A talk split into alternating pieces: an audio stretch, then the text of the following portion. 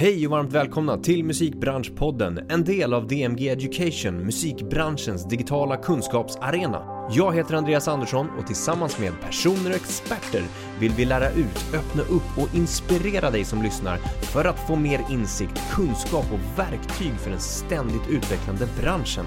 I veckans avsnitt pratar jag med Bello som är Head of Label på Asylum Records. Bello som har självaste musiklegenden Quincy Jones som mentor har en lång erfarenhet som både manager och A&R. Vi pratar om allt från dagens A&R verksamhet vad arbetet innebär till relationsskapande och AI-verktyg som kan hjälpa till för att faktiskt lyfta fram musik som sen tas över av den mänskliga magkänslan. Avsnittet fylls även med bra tips till både artister och personer som är nyfikna på att jobba som A&R.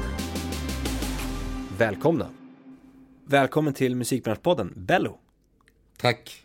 Vi snackade om det precis innan. Ja. Eh, kort och koncist. Ja, det är kort, Bello, alla vet. Eller hur? Det är nästan som ett artistnamn, även fast du inte är artist. Ja. Något som vi också snackar om, att Nej, du, du, kommer från musikbakgrund. Före detta artist. Ja, men precis.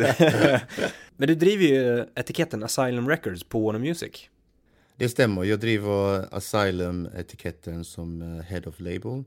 Um, som startade drygt slutet av 2019. Mm. Um, och tanken kommer ju från var jag kommer ifrån, från hela independent-sidan. Mm. Uh, och innan jag började på Warner så har, var min vision att bygga en brygga mellan independent-sidan och major. Okay. Mm. Um, att, uh, och, och, då skapade vi Asylum um, som är ett, en etikett inom Warner och finns i UK och USA. Mm. Men det fanns inte i Norden. Uh, och då fick jag möjligheten att ta över den etiketten um, och driva den. All right. så men du, du jobbade på Warner Music innan det då? Också? Jag jobbade på Warner Music uh, innan det och var A&R director um, åt och mitt jobb var att utveckla artister, hitta artister uh, och jobba allt från Sabina Dumba till uh, Oscar Sia till Paul Ray och massa andra inom Warner. Mm. Coolt. Och sen så, eh, vi pratade om det innan också, du har, har ju startat ett bolag, eh, medgrundare till 2020 Records. Det stämmer. Också, som också är aktivt fortfarande. Yeah. Ja. Uh, 2020 Records uh, är ett produktionsmanagementbolag. Uh, och det ursprungligen kommer det från, startade Fantabulous eh, som var mitt första bolag, eh, managementbolag. Eh, till 2008 eh, med artisten Lazy. Mm. Eh, och det är så min karriär började med, med, med Lazy um, som jag var manager för och uh, signade honom och utvecklade honom till, till den han blev och, och startade min karriär på den på den fronten. Och det slutade med att jag ja, men ville vidga ut mig och verkligen istället för bara management ville in i förlagsverksamheten. För att jag tyckte att förlagen, de gjorde inte det jobbet som jag, som jag trodde, som jag visste att jag kunde göra. Så att jag signade producent och låtskrivare, Ehm, hade studiekomplex där som var ett kreativt hem för de kreativa. Och där blev det John Alexis som är en av producenterna som har producerat åt Molly Sandén till Danny Saucedo Så Mycket Bättre, uh, Sabina Dumba, uh, mycket internationellt också.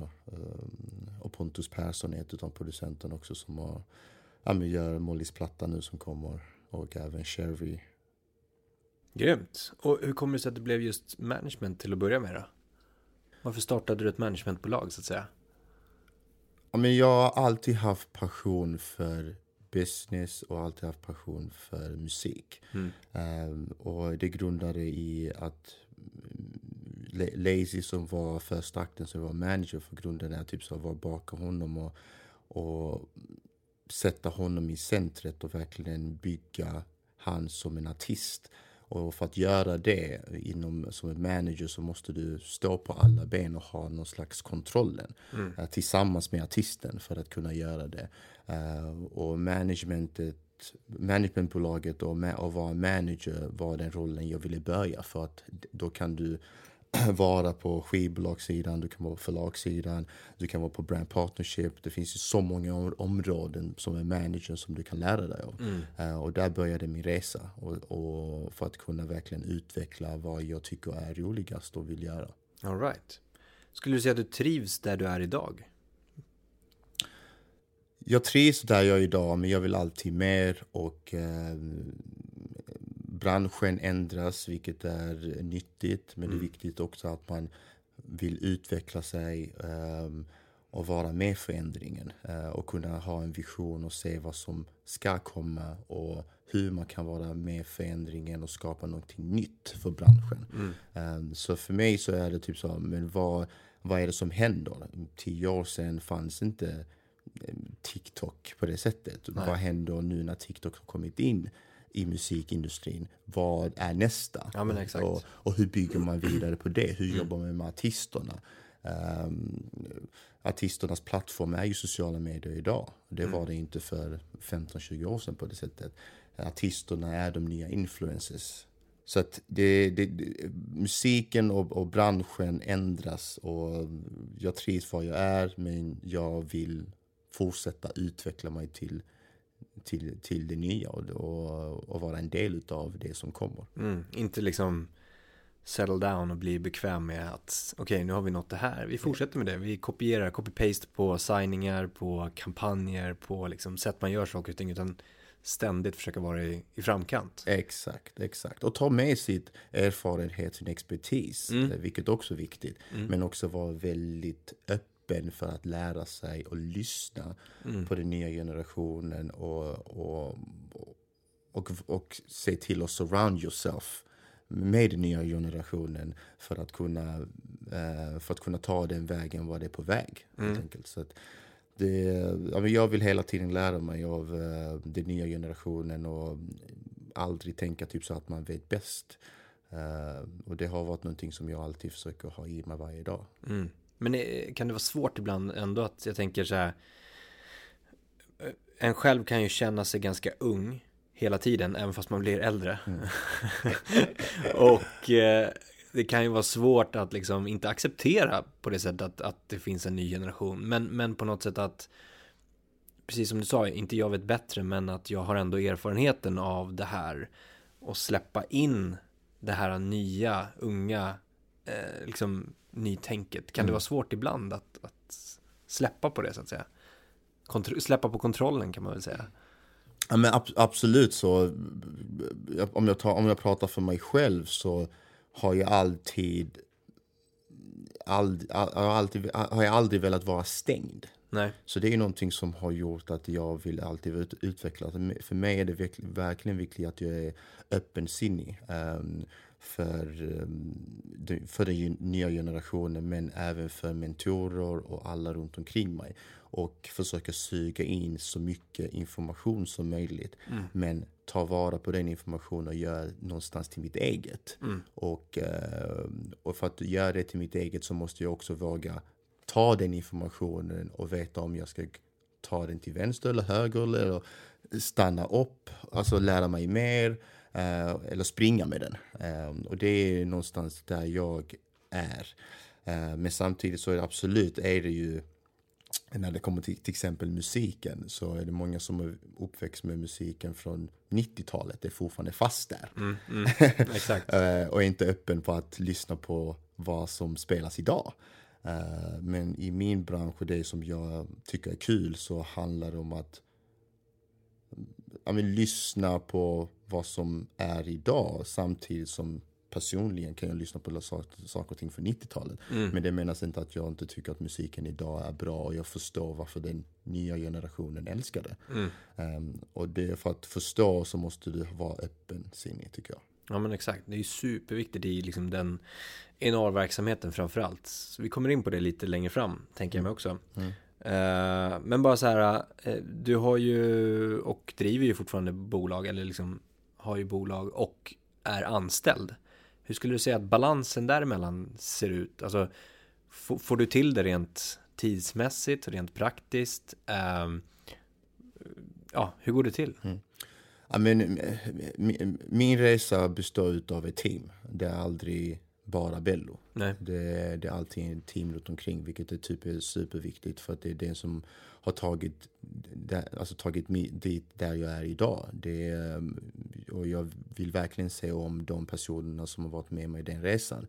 Uh, men ett team och kunna, och kunna förstå uh, visionen som vi till gemensam har. Och det är där som jag känner i alla fall att jag har um, lyckats bolla båda två genom att ha ett starkt team med, med en stark vision. Um, uh, och båda två har, ja men de har gynnat varandra mm. i så många aspekter. Där producent, alltså på 2020 har jag haft producentteam som har gjort en fantastisk musik till Warner. Um, så att, och, och, och åt andra hållet också har det gynnat 2020. Men, men svar på din fråga så handlar det om ett, en, en, en fantastiskt bra team runt omkring mig. Mm. Som, um, som gör det möjligt. Mm. Vad står 2020 för? 2020 Vision. Ah, såklart. Men du, om vi ska vi gå in på lite A&R-verksamhet då.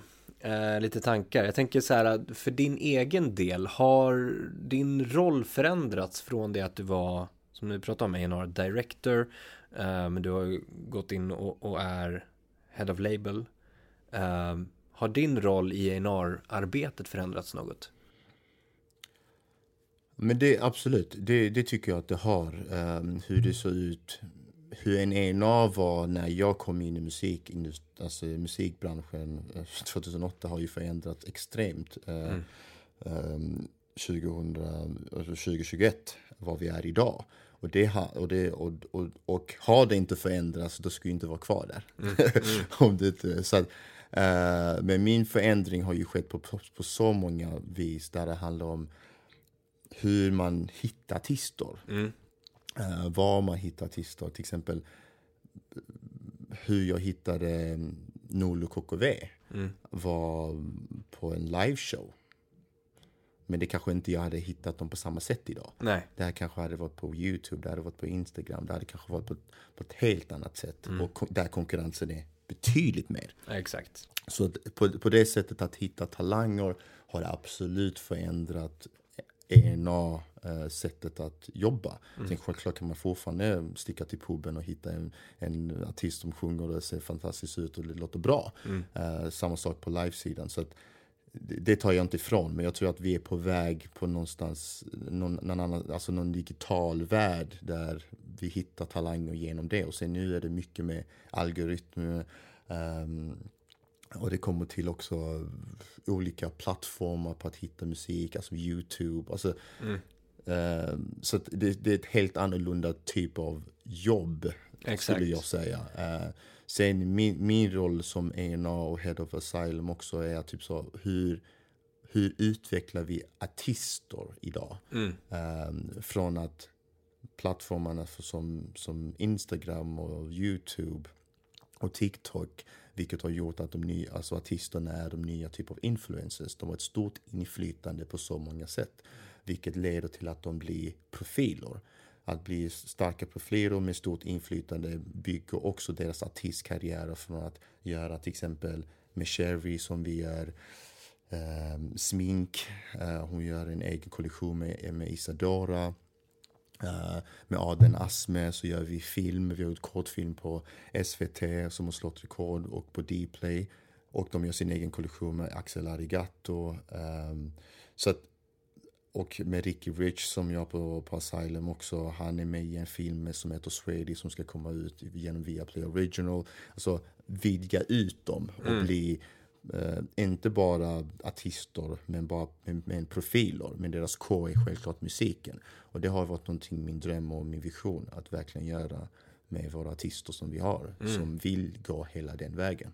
Ja men precis, och vill alla göra det tänkte jag på också. Alla vill inte göra det och alla kan, kanske inte är kapabla till att göra Nej. det. Men, man, men, men min roll är att kunna se till att den dörren finns. Ja åt dem som möjligheten vill. Finns, ja. Möjligheten finns att kunna gå hela den vägen. Mm. Uh, och, och ge dem de verktygen som behövs för att gå hela den vägen. Mm. Och det är någonstans min roll i det hela. Sen absolut, vår core business är ju att musik och det gör vi ju dagligen. Men jag tror att det finns så mycket mer um, runt omkring musiken. Där talangen kommer in i många av artisterna Exakt. än bara musik. Och i, du nämnde det just att så här, en vision var att, att uh, liksom, vad ska man säga, förkorta vägen mellan independent till major eller från liksom artist, osignad artist till, till major. Uh, hur ser, hur, hur, hur, rent konkret vill du göra den, eller stänga gapet så att säga? Ja men det som jag är inne alltså independent idag har ju varit betydligt lättare och man har ju också sett på marknaden hur independent-sidan flyger rent ja. procentuellt. Och det ju, handlar ju om hur lätt det är för dem att ladda upp sin musik på Spotify, mm. ta en bild på iPhone och omslaget är klart, mm. göra en video med sin iPhone. Alltså gör det väldigt enkelt för sig.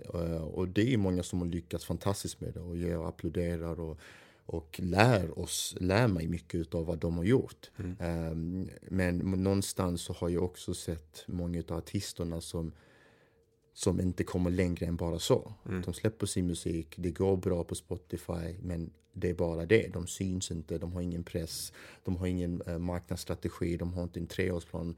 Och det, det är någonting som jag vill bygga, eh, är att vara bryggan av, av en major och få musklerna med ett stort team som kan bygga en artistkarriär mm. snarare än att bygga en låt.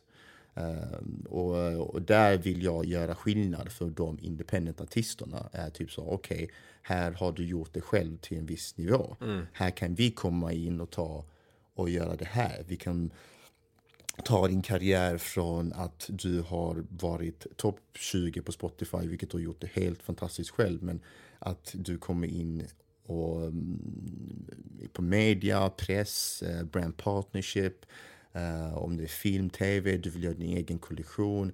Uh, utveckla ditt sound och uh, ta in nya producenter, collaboration med internationella artister. Det nätverket som vi har, mm. jag har, vill jag kunna ge till dem för att komma till nästa nivå. och stor del av dem kommer ju inte dit om inte de har ett stort team mm. kring sig. Och, och, en del som, som då kanske har blivit kontaktade av er, alltså scoutade av er. Eh, har ni stött på någon sån artist som känner så här, men vadå, varför, hej, varför, varför ska ni hjälpa mig? Vad, vad kan ni hjälpa mig som inte jag kan göra själv? Det händer hela tiden. Det gör det? Ja. Och det är ju deras pers perspektiv. För ja. att de inte vet mer än mm. och tycker att det är bra och de har gjort en låt och, det, och den har gått bra på Spotify. Uh, men där är ju mitt jobb att se till att öppna upp en större värld för dem och förstå men här ska du vara, här kan du vara mm. och här, här är våra, vårt arbete för att ta dig dit. Mm. Men ibland, och nio utav tio så är det, aha, finns det? Mm. Är det möjligt? Kan vi göra så? Wow! Och, och då får vi ju visa cases att vi har också lyckats med det. Mm. För att kunna få den artisten att förstå, ah men shit, här skulle jag vilja vara. Uh, och, och, det, och, och det, det är någonting man får jobba med varje dag. Um, och det handlar ju bara om folkperspektiv och hur de ser på saker och ting. Uh, och jag skulle säga att också att de inte, ja men ibland så vet de inte mer. Nej. Um, jag, kan inte, jag har ju suttit på, jag sitter på erfarenhet och sitter på expertis men någon som har jobbat i musikbranschen 30 år mer än mig kanske har sett en helt annan bild. Um, någon som är yngre än mig som, um, som kanske vet vad som kommer om ett år, men jag kanske inte har en aning. Så mm. det är därför det, då kommer återkomma det gällande att vara öppensinnig mm. är jätteviktigt. Mm. Och artister som är öppensinniga kommer till oss och vi ger dem en bild på vad vår vision och mål är och de förstår poängen, då är det bara att tuta och köra. Ja, så ni har ju lite en utbildande del i det också, att utbilda artister. Det, det har man absolut och det, och det är en daglig alltså daglig grej i min arbetsroll varje mm. dag faktiskt. Det är mm. att vara, ja, men vara en mentor um, och utbilda dem och, och ge dem rätta förutsättningar och verktyg um, inom allt. Um, så att absolut.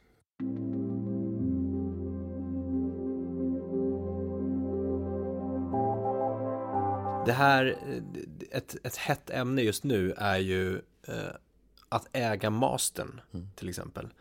Uh, och det köps uh, och handlas med rättigheter och man säljer kataloger hit och dit och hej och hå.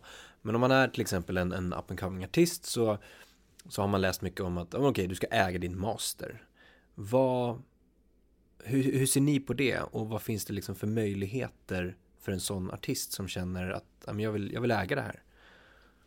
Jag, jag är helt fin och förstår äh, många av artisterna som vill äga sina master. Men jag, men jag kan inte säga alla artister är lika när det kommer till det. För att vissa artister behöver ett maskineri på ett helt annat sätt. Vilket gör att de behöver kanske en artiststil. Mm. Eh, vilket gör att de inte kanske äger sina masterna. Men då går också skivbolaget in med en större resurs och större investering. Eh, vissa artister kanske behöver en licensstil där de äger sina masterna men de lånar ut inspelningarna till skivbolaget. Och, ehm, och då kanske de får mindre resurs, men de får ett team att jobba. Vissa kanske bara vill ha distribution. Mm. uh, och då är det inga problem. Mm. Uh, så det är behov av artisten om man skräddarsyr.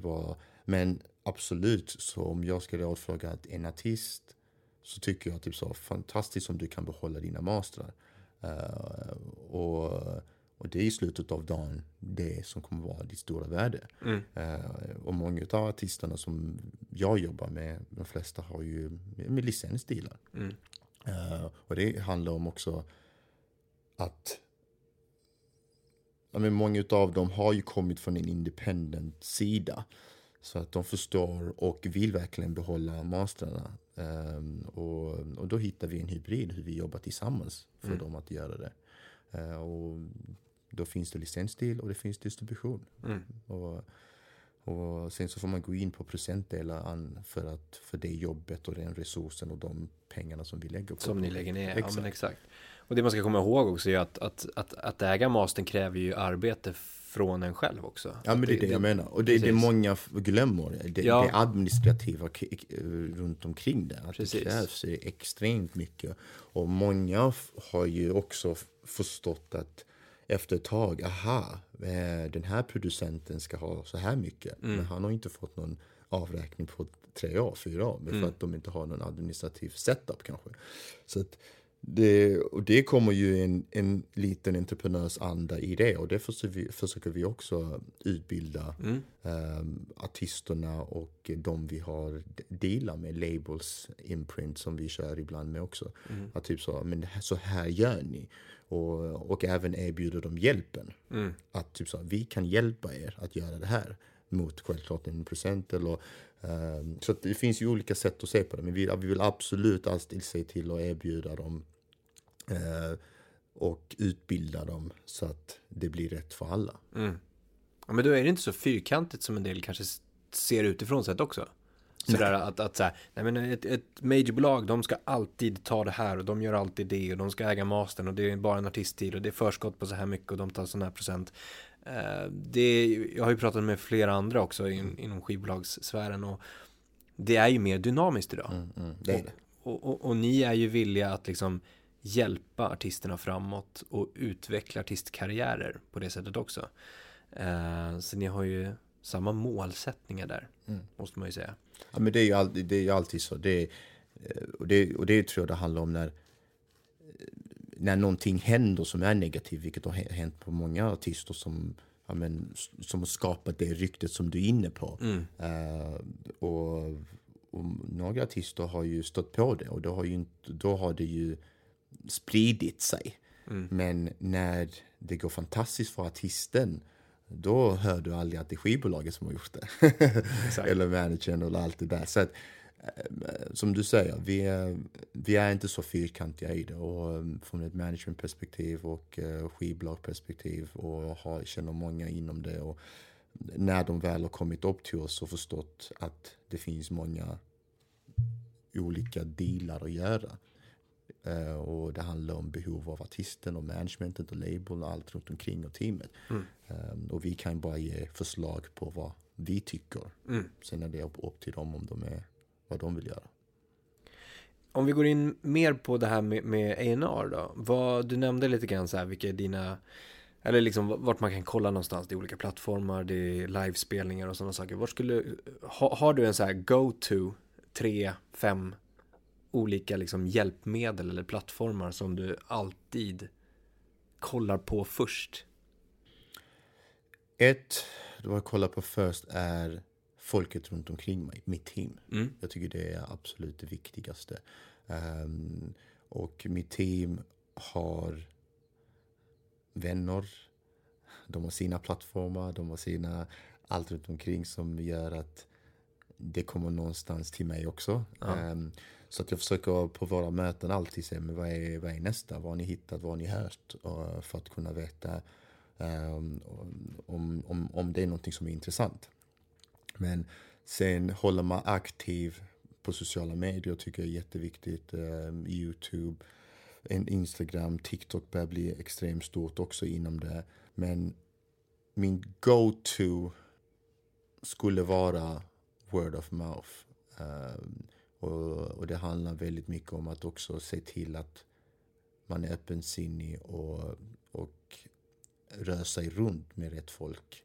Um, och, och, det har hjälpt mig extremt mycket. Mm. Um, att, att kunna investera i människor och investera och utbilda um, unga talanger. Alltså, då, då pratar jag inte om talanger eh, som en artist, och snackar om talanger eh, som unga, alltså som, som kommer kanske från precis från skolan som är intresserade i musik, i marknadsföring, i ENA eh, och praktikanter som är fantastiskt duktiga. Som, ja, vet, och där tycker jag att det är, jäv, det är jätteviktigt att kunna ge dem mentorskap och, eh, och tid och resurser och investering. Eh, för det är de som är de nya generationerna, det är de som rör sig runt väldigt mycket. Så att, investerar man rätt i, i i de talangerna så kommer man få väldigt mycket tillbaka runt omkring vem som är den nästa stora hit. Mm. Vem är den nästa stora artisten? Vem är den, vad som nästa stora plattform som är på gång in?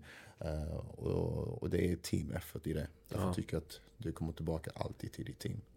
Vilka, alltså finns det några speciella så här personlighetsdrag som du skulle säga är bra att ha hos en, en A&R? Så med ENA så tycker jag att det, du måste alltid se artisten först. Vilket jag tycker är extremt viktigt. Uh, musik är känsla. Uh, leder till att personer som skapar musik har känslor. Uh, och, och du måste alltid se artisten först och veta vad de vill och visionen. Ehm, för att du ska kunna ge dem de ver rätta verktygen och vägledningen att komma dit. Mm. Uh, och det tycker jag är superviktigt att man är lyhörd. Och jag har aldrig varit en en och kommer inte vara en och där amen, jag vill bygga dig. Nej. Det är snarare tvärtom. Um, så att, så att det skulle jag säga är superviktigt. Mm. Och om man är aspirerande enorm. Man känner, tycker att så här, det här är så jäkla spännande. Vad skulle du ge för tips till en sån person att fokusera på just nu i liksom uppbyggnaden av ens egna karriär? Som en ENA? Som en ENA, precis. Men som en ENA så tycker jag att du måste ha passion för musik mm. och passion för att jobba med människor. Vilket är superviktigt. Eh, och kombinerat med det så, så gäller det att vara aktiv på vad som är det nästa eh, vem som är det nästa artist inom den genre som du vill signa någonting. Um, och, och verkligen veta typ eh, ja, men hur saker och ting låter. Uh, det är också superviktigt som ENA. Var musiken är på väg, vad, vad är inne nu, vad lyssnar på, uh, folk på? Uh, vad spelas på radio? Uh, vad är den nya trenden inom mm. musik? Uh, så att alla de aspekterna är superviktigt att kunna veta någonstans. Uh, och vad är det på väg? Mm. men man måste ju börja någonstans och det handlar om att typ så, ja, men ha passion för musik och passion för människor. Och, och, och ta in din smak och musik i det. och, och vad skulle du signa? Mm. Om det var du. Men sen så är det bredare aspekt på det som jag sa. Ja, ja precis. Jättebra. Jag tänker också så här att eh, kontaktnät. Att, att precis, du var inne på det också. Att så här, ditt, eh, ditt team runt omkring dig har ju kontaktnät. Har ju liksom hör, hör ju vad som händer och, ja, och ser vad som händer. Exakt. Och jag tänker mig att redan innan, även om du inte har fått ett jobb eller liknande, att, att skapa ditt kontaktnät. Berätta för alla att du älskar musik. Eller att säga, skicka all musik ni har till mig. Helt rätt. Eh, liksom pitcha spellistor till mig, gör allting så att mm. man får den kollen. För att det kommer ju resultera i att det fortsätter om du då sen får ett jobb på ett bolag till exempel. Eller om du startar ett eget bolag och, och jobbar med A&R-verksamhet. Då kommer ju det fortsätta att säga, ah, just det, det, det är dit vi ska höra av oss. Vilket man kanske får lite gratis skjuts då på när man väl arbetar med det. Mm. Um, men, men just det här med liksom nätverkandet. Um, nätverkandet är superviktigt um, i, i alla områden förutom bara ENA. Och nätverkande och relationer är ju det som också tar dig vidare. Mm. Och det är väldigt viktigt att du nätverkar. Jag brukar alltid säga typ så Våga ta risker, våga prata, uh, våga fråga. Våga vara där, mm. uh, våga stå i centrum.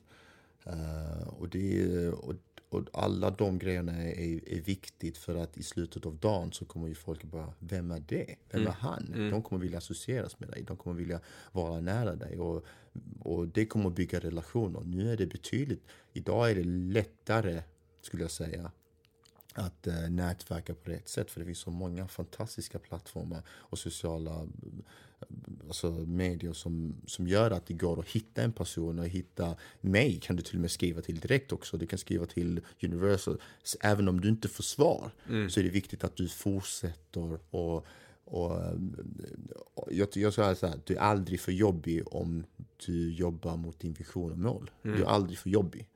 Uh, den dagen du är jobbig, den är den dagen du har gett upp. Mm. Bra. Så det, det, för mig är det jävligt viktigt. Kör. Jag har folk som har ringt mig flera gånger, och smsat mig, mejlat mig och jag uppskattar det. Jag gillar det för att när jag väl har tiden så tar jag till till dem för att då verkligen bara höra vad, vad, mm, vad är det de vill och vad, är de, vad har de att erbjuda? Vad har de musik som de tänker de vill skicka till mig? Jag skickar mejl, skickar till mig. Jag försöker lyssna på det mesta, skicka till mitt team. Um, för att någonstans, jag var själv en sån. Mm. Uh, som alltid, ja, knackade på dörren. Svarade du inte, jag knackade igen. jag ringde, jag ringde, svarade du inte, jag ringde igen. Jag var den jobbiga uh, Bello, men för mig så var det mitt mål. uh, det, var, det var den. Och, och till slut så, så vet du vad du är värd. Och till slut så kommer den dörren öppnas. Till slut så kommer kommer du komma in där. Det, det, är bara så det är. Det finns inte någonting annat. Och det, det är där du måste bara sätta ditt mål. Exakt. Skulle man kunna säga att man ska vara lite... Alltså man ska, man ska tycka att man är jobbig mm. själv. För att det, då är du inte jobbig, då är du bara ambitiös. lite ambitiös. Exakt. Ja, exakt. Ja. För det, det, är alltid sådär, jag, jag vet ju själv liksom, när man, när man sitter och mejlar med någon till exempel, att ja, men jag mejlade på måndagen, hur länge ska jag vänta innan jag får svar? Och mm. fick jag inget svar, när ska jag skicka igen? Ja. Hur pass jobbig ska jag vara? Och det beror ju på situation, det beror ju på eh, meddelande, alltså vad man vill få ut också ja, av ja. själva liksom mejlet eller konversationen och nätverkandet eller kontaktskapandet. Och jag tror att det är, eh, liksom, är man bara medveten om det så kan man, då är det ju bara att göra det också. Precis som du sa, våga släppa liksom på något sätt hämningarna lite grann. Absolut. Och det våga försöker... synas, våga höras. Exakt. Och det, och det försöker jag hela tiden säga till mitt team. Att typ, eh, när vi har en idé, okej, okay, men ring det produktionsbolaget eller ring det varumärket. Mm. Ah, de svarar inte. Ring igen. Ring, ring igen. Ja. Ring igen tills vi får tag på dem. Tills de får vår idé. Mm. Tills de säger, fan vad bra idé och vi vill jobba med er. Mm. De 20 gångerna du ringde och var jobbig i, i deras call. Så det, det är bortglömd. Ja. Men du har fått igenom det du vill och det är superviktigt. Jag brukar alltid säga så här, men kör, kör. Mm. Mm. Det, ibland så är vi i Sverige väldigt typ så, oh, vill inte... Ja, precis. Jag, ska inte störa. Nej, jag ska inte störa, ska inte ha lite det mentalitetet. Och det, det försöker jag i alla fall ta bort. Uh, sen självklart är det viktigt också att man har respekt mm. och veta en balans. Uh, men du ska aldrig låta någon annan ta bort din dröm och ditt mål um, som du vill. Om du vill uppnå det och, du, och det krävs att du ska vara extremt jobbig. Men när du väl kommit igenom det och du har lyckats, så kör den vägen. Mm. Ja. Det, det skulle jag säga. Då kommer det inte ha spelat någon roll om du mejlade på onsdagen eller torsdagen eller ringde ja, två det. eller tio gånger. Ja, exakt. Och det, det, det, är, det är som att säga typ så. Du vet att målet är rakt fram och du ser ditt mål. Mm. Men på vägen så har du massa gupp. Um, du måste stanna av och tanka, du måste äta på vägen. Uh, du kommer bli trött, du kommer bli det. Väljer du att inte göra det, men du ser ditt mål. Mm. Men du ser också alla de sakerna som behövs att göra. Jag, min hade tagit det och kört. Mm. För jag vet att målet är där. Den är där, jag ser den. Varför inte ta den? Mm. Den kommer ju inte komma till dig. Nej. Så du måste ju dit. Men vägen dit krävs att man kanske har gjort många misstag. Du har fallerat flera gånger. Mm. Men som jag alltid säger, ligger du ner, det är enda vägen att ta dig upp. Mm. Du kan inte komma längre ner. Mm. alltså du kan bara ta dig upp. Du måste ligga på marken, du bara tar dig upp. Mm. Nästa gång, då kommer du lyckas. Mm. Så det, eh, det, är min, men alltså försöker i alla fall få in i folket runt omkring mig och teamet runt omkring mig och eh, också repetera det själv till mig själv varje dag, påminna mig själv, mm. vilket är viktigt. Mm. Det är jättebra liknelse. Jag brukar också tänka i andra liknelser om att så här, men måls, målarbetet är mm. som en hinderbana också. Exakt. Framöver. Du kommer stöta på hinder. Eh, och i vissa fall så kommer du från start till om du ser målet där framme och då kommer du se vilka hinder det är. Då kan du ju redan nu börja förbereda dig på att okej, okay, jag kommer komma till det hindret. Vad behöver jag då för verktyg? Vad behöver jag då för kunskap? Exakt. Vad behöver jag för personer, team runt omkring mig? Exakt. En del hinder kommer du inte se. Men hur kan du förbereda dig på att de kommer komma? För det mm. kommer de att göra. Det kommer de göra. Eh, ska du liksom hoppa över? Ska du krypa under? Vad behöver du för redskap på vägen mm. dit? Mm. Eh, och göra det bästa liksom förberedelserna dit. Men sen så kommer du komma till den punkten där du, okej, okay, nu var jag inte beredd på det här. Vad gör jag då? Mm. Utvärdera, om, mobilisera och kör. Uh, helt rätt. Men jag tänker på det här med, med liksom nätverk för din egen del, personliga del. Hur, hur har du jobbat, uh, för just det här relationsskapandet har ju varit ganska svårt under pandemin för många. Mm. Um, det har ju gått att liksom skapa kontakter, digitala kontakter ganska lätt sådär. Men behålla relationerna under det här året som har gått och, och skapa nya djupa relationer. Har det gått? Alltså det är aldrig samma sak. För mig tycker jag inte att det är samma sak att prata med någon digitalt än att prata med någon fysiskt. Lika väl som vi har den här konversationen. Jag tror det hade varit lite annorlunda om vi hade Alltså, men nu känner jag en annan typ av energi och connection. Um, så att jag tycker det är absolut viktigt. Sen under pandemin, där tror jag också att det handlar om sin mindset väldigt mycket. om typ så, men Om du inte kommer att träffa, men hitta ett sätt hur du bibehåller relationen. Mm. Ha kontakt mer.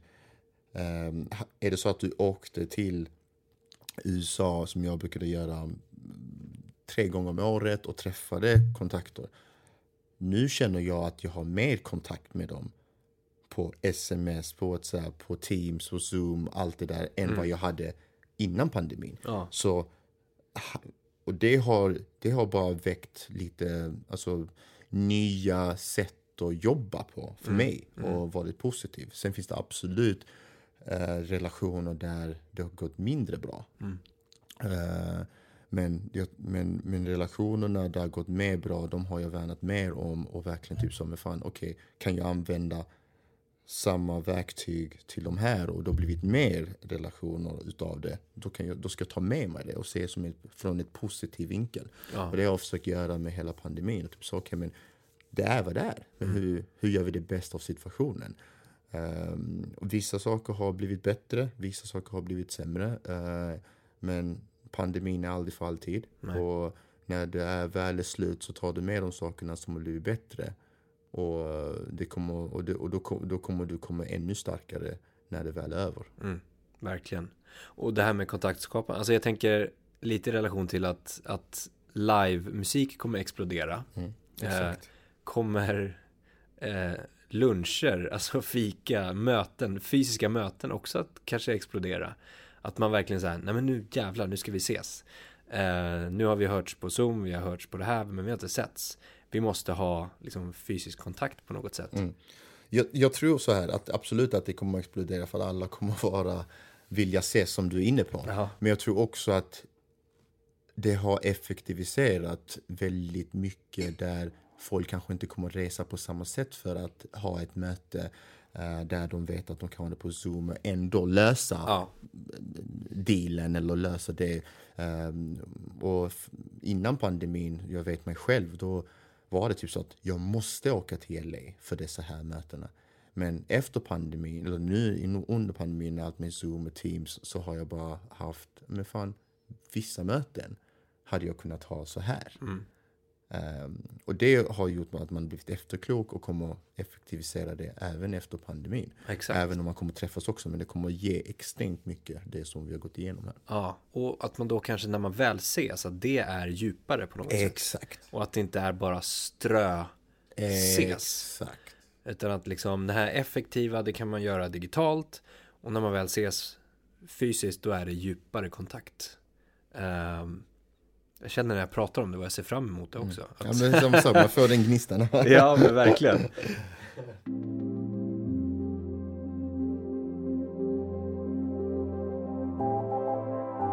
Vi pratade lite grann om det eh, datadrivet eh, AI, algoritmbaserat och så vidare, AI-verksamhet. Warner har ju gått ut och att ni jobbar ju med ett eh, verktyg för att effektivisera ENR-verksamheten. Hur, hur går det till? Använder ni er någonting av det?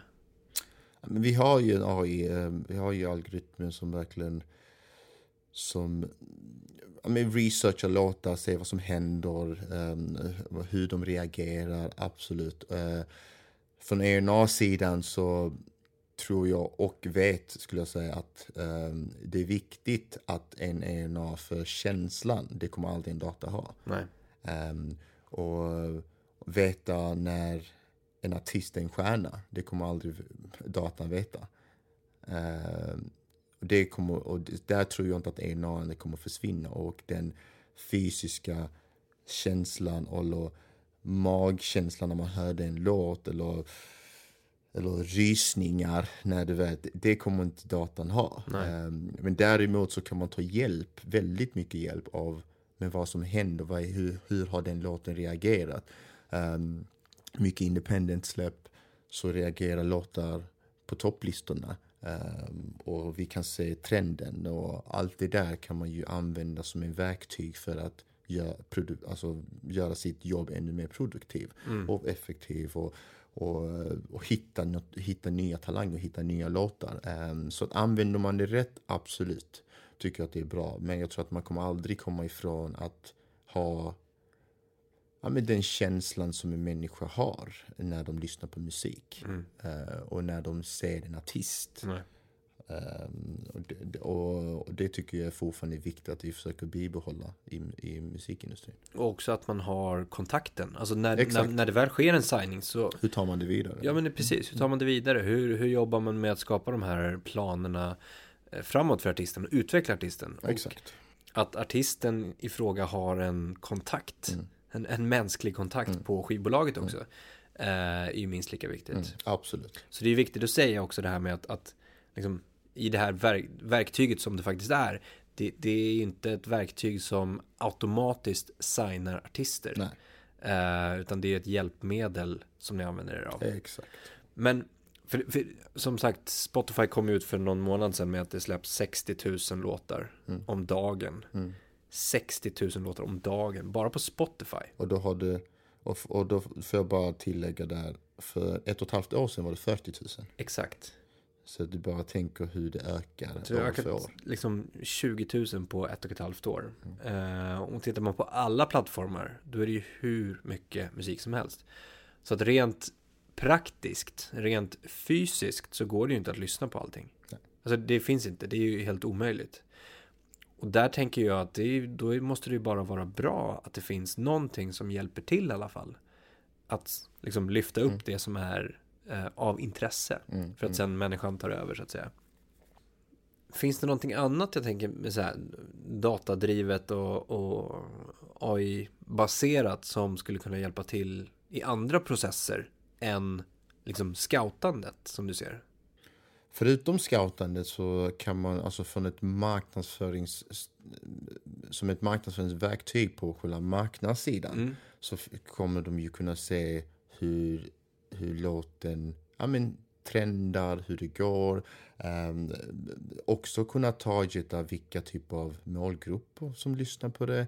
Um, vi- vilka fans finns det till det? Alltså, så, som ett marknadsföringsverktyg så är det också viktigt för oss att veta att du sa, men ska vi invest- fortsätta investera? Hur går låten? Håller den på att stiga? Håller den på att gå ner? Och, eh, vad kan vi göra? Vi kan och, och går det fantastiskt bra så kan vi använda det som, en, um, som ett bevis och, och prata om det till våra partners, radio, alltså det, det här händer, det här är på väg upp. Alltså, så att mm på det sättet, absolut, så finns det många fördelar om man använder det rätt. Mm, mm. Och jag tänker också i det, alltså, och även i, i, i skapande perspektivet för artister. Alltså det kommer ju mer och mer AI-skapad musik som vi ser. Om du är inne på det, absolut. Ja, men eh, AI kan ju också användas som, som ett verktyg i, i produktionsskapandet, alltså skapandet av musik. Jag tänker bara på det att så här, trummaskinen eh, som, som kom till för många, många decennier sedan eh, ersatte ju inte trummisar eh, på det sättet, Nej. utan det blev ju ett hjälpmedel. exakt. Och på samma sätt så kan ju AI bli ett hjälpmedel Ja. eh, i musikskapandet. Absolut. Och det märker man idag. De som kommer, jag tror de som kommer se det som en hjälpmedel som du är inne på, det är de som jag återkommer till, som kommer vara öppensinnig för att använda det som hjälpmedel. Men det kommer också vara producenterna som bara tycker, ah, vad är det? Alltså, det här är inte musik. Det här är inte hur man skapar musik. Det här, och samma sak har vi gått från generationer till generationer där musiker som, som är musiker, producenter och beatmaker kanske inte går ihop med på, på samma sätt. Nej, Alltså, exakt. så att det, jag tror det handlar om öppensinnig och, och verkligen ja, men veta att man är på väg och se positivt, se det för ut ett positiv vinkel helt enkelt, hur man kan ta det som hjälpmedel. Mm, mm. Och en annan del i, i liksom, det här handlar inte om datadrivet, men en annan del i, eh, i arbetet med artister på bolag är ju kommunikationen också. Eh, Det jag tänker är kommunikationen mellan er och artister i fråga, men också artister, producenter, låtskrivare, topliner, beatmakers, precis som du säger. Det är liksom som ett, ett kluster sådär. Ehm, hå- håller ni någon slags liksom eh, vad ska man säga, administrerar ni eller modererar ni liksom kommunikationen? Hjälper ni, hjälper ni till i den på något sätt med era artister? Absolut. Alltså, så min roll och vad jag kommer från så är det min, min, min, en av mina stora styrkor är verkligen att sätta ihop folk. Ja. Eh, och allt från, ja, men den här artisten borde jobba med den här producenten, den här artisten borde jobba med den här låtskrivaren, sätta ihop sessions eh, och, och, ska, och, och skapa möjlighet och förutsättningar för, för, de, för de båda, eller tre eller fyra i rummet. Eh, så att min roll är ju att sätta ihop sessions, eh, som är en del av det också, eh, med för våra artister och och skapa ett nätverk med de producenterna och låtskrivarna som kan ja, skriva fantastiskt bra musik till våra artister. Mm. Finns det något sorts samarbete som du är extra stolt över? Som du har så här, fan det där blev ett riktigt bra match. Eh, Pontus Persson och Cherry.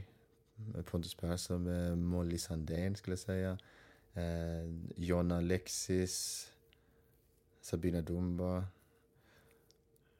Ja men det är bra. Finns, finns det, no, finns det Ja, något... det finns eh, ja. Det finns, ja. Finns det något, eh, någon gång där det liksom har riktigt, riktigt bara skurit sig totalt? Du behöver inte nämna namn, men liksom har det hänt så att så här, du såg det framför dig att det här skulle kunna passa och sen bara, Absolut. Det är ju, det är ju en, en del utav det också för att um, för att kunna bli bättre och uh, kunna nå framgångar så måste du ha gjort misstag. Men det är också viktigt att du har lärt av dina misstag och, eller sett fel snarare. Eh, och saker och ting har uppstått som inte har funkat för att okej men det här funkar inte, hur kan vi göra det bättre? ja, Eh, och som du säger, ibland så kan det vara en mismatch på, totalt. Men nästa gång jag har en liknande artist eller en producent så kanske jag inte sätter dem ihop på det sättet för att de var ungefär i samma kaliber, samma sound och det skulle inte funka. Så då är det viktigt att man läser, men absolut att man stöter på sessions som jag satt ihop som inte alls har gått bra. hur hanterar du det? Är det? Kan artisterna bli vansinniga eller?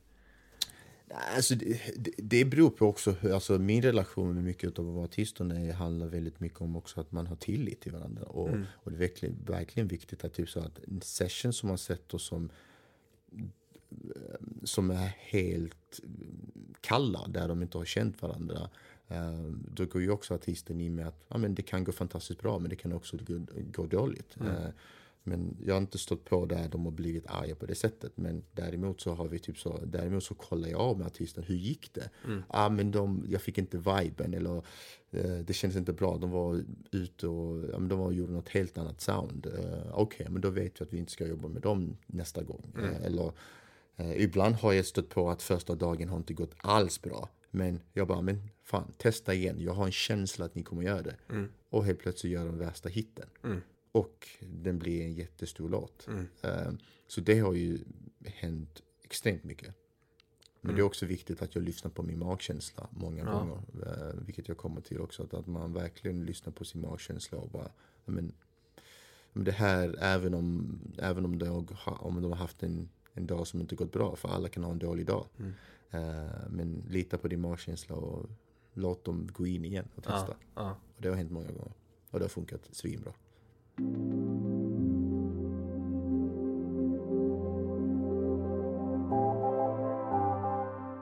Eh, och jag tänker, i allt du berättar nu så är det ju liksom många olika delar. Du kan ju ha kontakt med många olika artister, det är samarbeten, det är projekt, det är liksom ehm, sessions och sådana saker. Hur, finns det något konkret sätt du håller koll på det här? Har du något liksom projektverktyg eller mail eller kalender? Alltså hur, hur, hur jobbar du rent konkret med dem? Ja, det är det. Vi försöker ha, man försöker ha mycket i huvudet. Men, så, men självklart så jag jobbar ju efter kalender, vilket är viktigt. Um, sen har vi en um, ja, men projektverktyg skulle jag kunna säga. uh, där man, ja, men notes, uh, teamsen som gör vad. eh, och det är su- superviktigt för ha överblick. Sen hur, hur det fungerar för att jag ska typ så ha koll på allting. Det är också det är viktigt att jag har slags veckomöten Ja, med mitt team eh, artistmöten kontinuerligt. Eh, för att ja, men, ge update på vad som händer, vad som kommer eh, och samt delegera ut arbete till teamet. Eh, men veckomöten hjälper mig extremt mycket. Eh, men mycket i huvudet alltså. mycket i huvudet. Ja, Men, eh, men är det kul så men det är mycket i huvudet. Ja, Samtidigt klart. som man har familj och barn och allt runt omkring. det kan skära sig ibland där man Ja, här, ja, just det, det- det var det där jag skulle göra också. Exakt, exakt. Och det är okej. Det är okej, Ändå. ibland. Du, du sitter ju med i ledningsgruppen för Warners, eh, eller Warner Music, och även i arbetsgruppen eh, Equity, Diversity and Inclusion, Yes. eh, där ni arbetar med frågor för mer, en mer inkluderande bransch. Mm. Vill du berätta mer om, om, om det? Ja, men inkludering, mångfald och rättvisa, alltså det är en extremt viktig fråga och det är någonting som vi bearbetar med varje dag. Um, och hemska händelser har hänt med George Floyd uh, och, och det har ju fått många till att vakna. Um, med hela Black Lives Matter, så fantastiskt att se hela rörelsen uh, och demonstrationerna som händer runt om i världen. Uh, men det fick också hela världen att vakna och typ så vi måste göra någonting. Och jag tror problemet har ju legat, alltså detta handlar inte om ett, två år, det handlar om 200 år, alltså tillbaka. Och, men någonstans nu känner jag att vi är på väg framåt eh, samtidigt som vi har extremt mycket att göra. Men som jag alltid säger, för att nå någonstans måste du börja någonstans. Um, och den här gruppen uh, har varit extremt viktig för Warner, inte bara från lokal uh, men från ett globalt perspektiv. Uh, där vi har olika grupper um, ehm, inom dessa frågorna. och jag sitter för Norden, vilket har gjort också att vi har mycket samtal med med um, övriga länderna om dessa här frågorna och hur vi jobbar mot det. Um, med anställning till hur vi jobbar med men mot våra artister um, och uh, självklart jämställdhet i, i själva företaget, alla de frågorna och rasism självklart uh, också. Så att, men det har varit en viktig, en viktig del i det jag gör. Mm. För jag känner också att jag har någonstans ett stort ansvar ehm, för vad jag representerar och vad jag står för och mitt värde och, och mitt folk runt omkring. Och när jag säger mitt folk, då menar jag alla. Ehm, mitt team och all, så att jag försöker bara hjälpa till så gott jag kan och verkligen visa den vägen um, som jag tror att vi ska gå tillsammans. Mm. Jag tänker också sådär i det här arbetet, det, det har ju väckts eh, det senaste året kan man väl nästan säga då. Och eh, många har börjat jobba i arbetsgrupper eller tagit det här liksom till nästa nivå om man säger så. Mm. Och, och, en annan sak som, jag vet inte om alla kanske tänker på det, men liksom att kunna ställa krav också. Eh, som företag, som samarbetspartner mot andra aktörer till exempel. Jag tänker mer liksom som ett skivbolag att skapar ni ett varumärkessamarbete med ett, ett annat varumärke, att ställa krav mot dem också i de här frågorna. Um, och, och ja, men det, ja. det, är absolut superviktigt och en incident um, hände med en av de artister, Sherry, um, som gjorde ett samarbete med, med Naked. Um, och jag vet inte om du sa det, men strax innan jul så gick de ut med, eller det blev ett uttal om att uh, de hade de hade, de hade inte tagit hand om deras anställda på rätt sätt. Mm. Um, och um, hade blivit anklagade för rasism. Uh, och, och vi var en vecka innan kollisionen skulle komma ut. Mm. Innan det kom ut på Aftonbladet och allt omkring. Och, och det ställdes väldigt mycket frågor till, till Sherry som hade teasat om själva kollisionen. Men hur ställer du sig till samarbetet med Naked? Mm. Uh, och det gjorde också var en viktig en viktig beslut för oss att, vad vi står för. Ehm, så att vi valde att ställa in hela kollektionen som Cherry har jobbat extremt hårt för den kollektionen eh, och investerat men, tid och resurser och pengar från Naked också. Men vi, vad som var viktigast för oss att verkligen ta ställning. Mm. Ehm, och, och det handlar om att ställa krav, vilket gör att det handlar inte bara om Cherry, men Cherry kommer att vara till stort inflytande för många andra. Mm. Eh, för att kunna också nästa gång ställa krav mot företag och hur de agerar och hanterar anställda. Exakt. Så att, eh, det, det var ett viktigt beslut för oss att göra i det. Vad, vad, eh, har ni någon liksom nästa steg planmässigt på den här arbetsgruppen? Ja, men nästa steg är ju skapa en, en större grupp um, och um, och utbilda. För jag tror det är också det som är viktigt i den här frågan. Är typ så, um, jag tror mycket utav vad som händer är att folk med okunskap har okunskap när det kommer till dessa frågor, rasism och, um, och, och, jag tror utbildning och utbilda och köra workshops um, och prata om det, det så här och, och, och, och, vara öppna och diskutera olika problem samt lyssna vilket gör att folk kommer vilja öppna upp sig mer. Ehm, och det är eh, de typer av grejer som vi kommer med mycket workshop och utbilda personal och utbilda våra, våra, våra artister ehm, med hur vi ska jobba mot dessa här frågorna. Och från vårt håll så handlar det inte om att vi vet bäst. Vi, mer, vi vill bara öppna upp diskussionen för att lära oss och gemensamt ta ett steg mot rätt riktning. Mm. Mycket bra.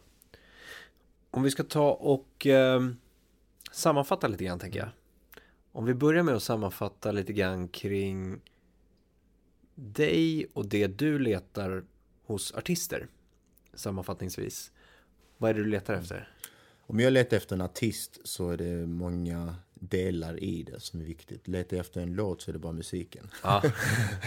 men, eh, men artist så är, för mig en artist är, ska ha driv, ambitiös, ska ha passion, ska ha en vision, vilket är viktigt eh, för vad de vill göra. Och då säger jag inte att, det, att de ska ha en klar vision, för att jag vill också kunna ge dem verktygen för att kunna ja, öppna upp och eh, deras vision och, och göra den lite mer tydlig. Mm.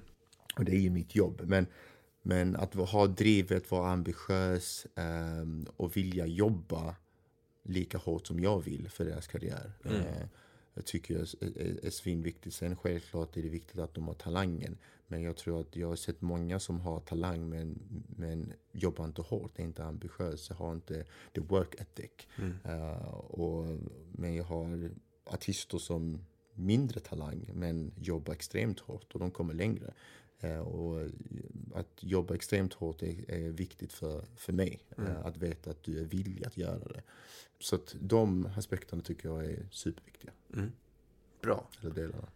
Om vi sammanfattar eh, dina tips till en person som vill jobba som A&R då? Mm. Vad skulle det vara? Tips att vilja jobba som A&R Passion för musik. Eh, passion för att jobba med människor. Älskar eh, nya trender.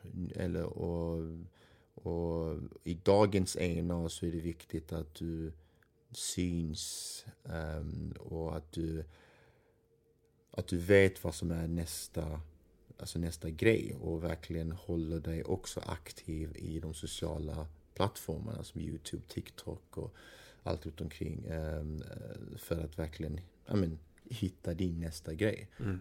Grymt. Har uh, du några svenska artister som du håller ögonen på just nu? Som inte är signade? Vill du avslöja? Ja, jag, jag, har, jag har faktiskt um, några som jag spanar in. Det finns ett extremt mycket talanger där ute. Um, att avslöja, avslöja så vill jag inte gå in på det. Men, uh, men det är en del som jag kollar in på absolut. Som, är, som, som växer extremt och eh, duktiga.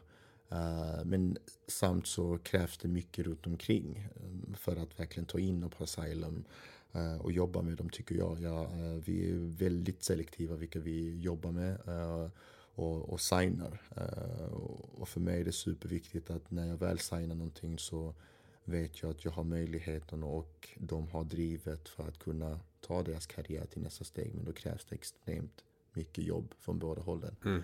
Ehm, men talanger finns det. Kan det också vara så att, att, att flera bolag har ögonen på samma artister och att det blir lite grann så här det händer, det händer hela vi ska tiden. Ha dem. Ja, det händer hela tiden och extremt mycket. Så att, eh, och, eh, men där försöker vi från, från mitt håll försöka djupa vad gör vi för skillnad? Ja. Och vilka är vi? Och som jag alltid är inne på, typ, så det spelar ingen roll till alla artister. Nu pratar jag till managers, Warner, Universal, Sony, BMG, det spelar ingen roll vilken etikett du är på. Det handlar om att ha personerna som verkligen har passion för ditt projekt och driv och, och, eh, och eh, vill jobba med dig och mm. som, du har, som du känner någon slags connection till. Um, och det är det det handlar om. Och, um, det handlar inte om vilken etikett du är på. Det handlar om personerna som verkligen tror på, på dig. Mm. Uh, och det är det du ska gå med. Grymt. Bello, super tack för ett trevligt samtal och väldigt tack. inspirerande. Tack själv. Att, eh, bra frågor och hoppas att det gick bra. Tack för att ni är så många som lyssnar på podden. Det är ni som gör att vi kan fortsätta. Prenumererar du inte på podden så är det ju faktiskt hög tid att du klickar på den där lilla knappen nu. Och för ännu mer kunskap, gå in och registrera dig för kunskapsbrevet på vår hemsida dmgeducation.se. Det är inget spam, det är bara kunskap. Ta hand om er ute så hörs vi igen nästa avsnitt.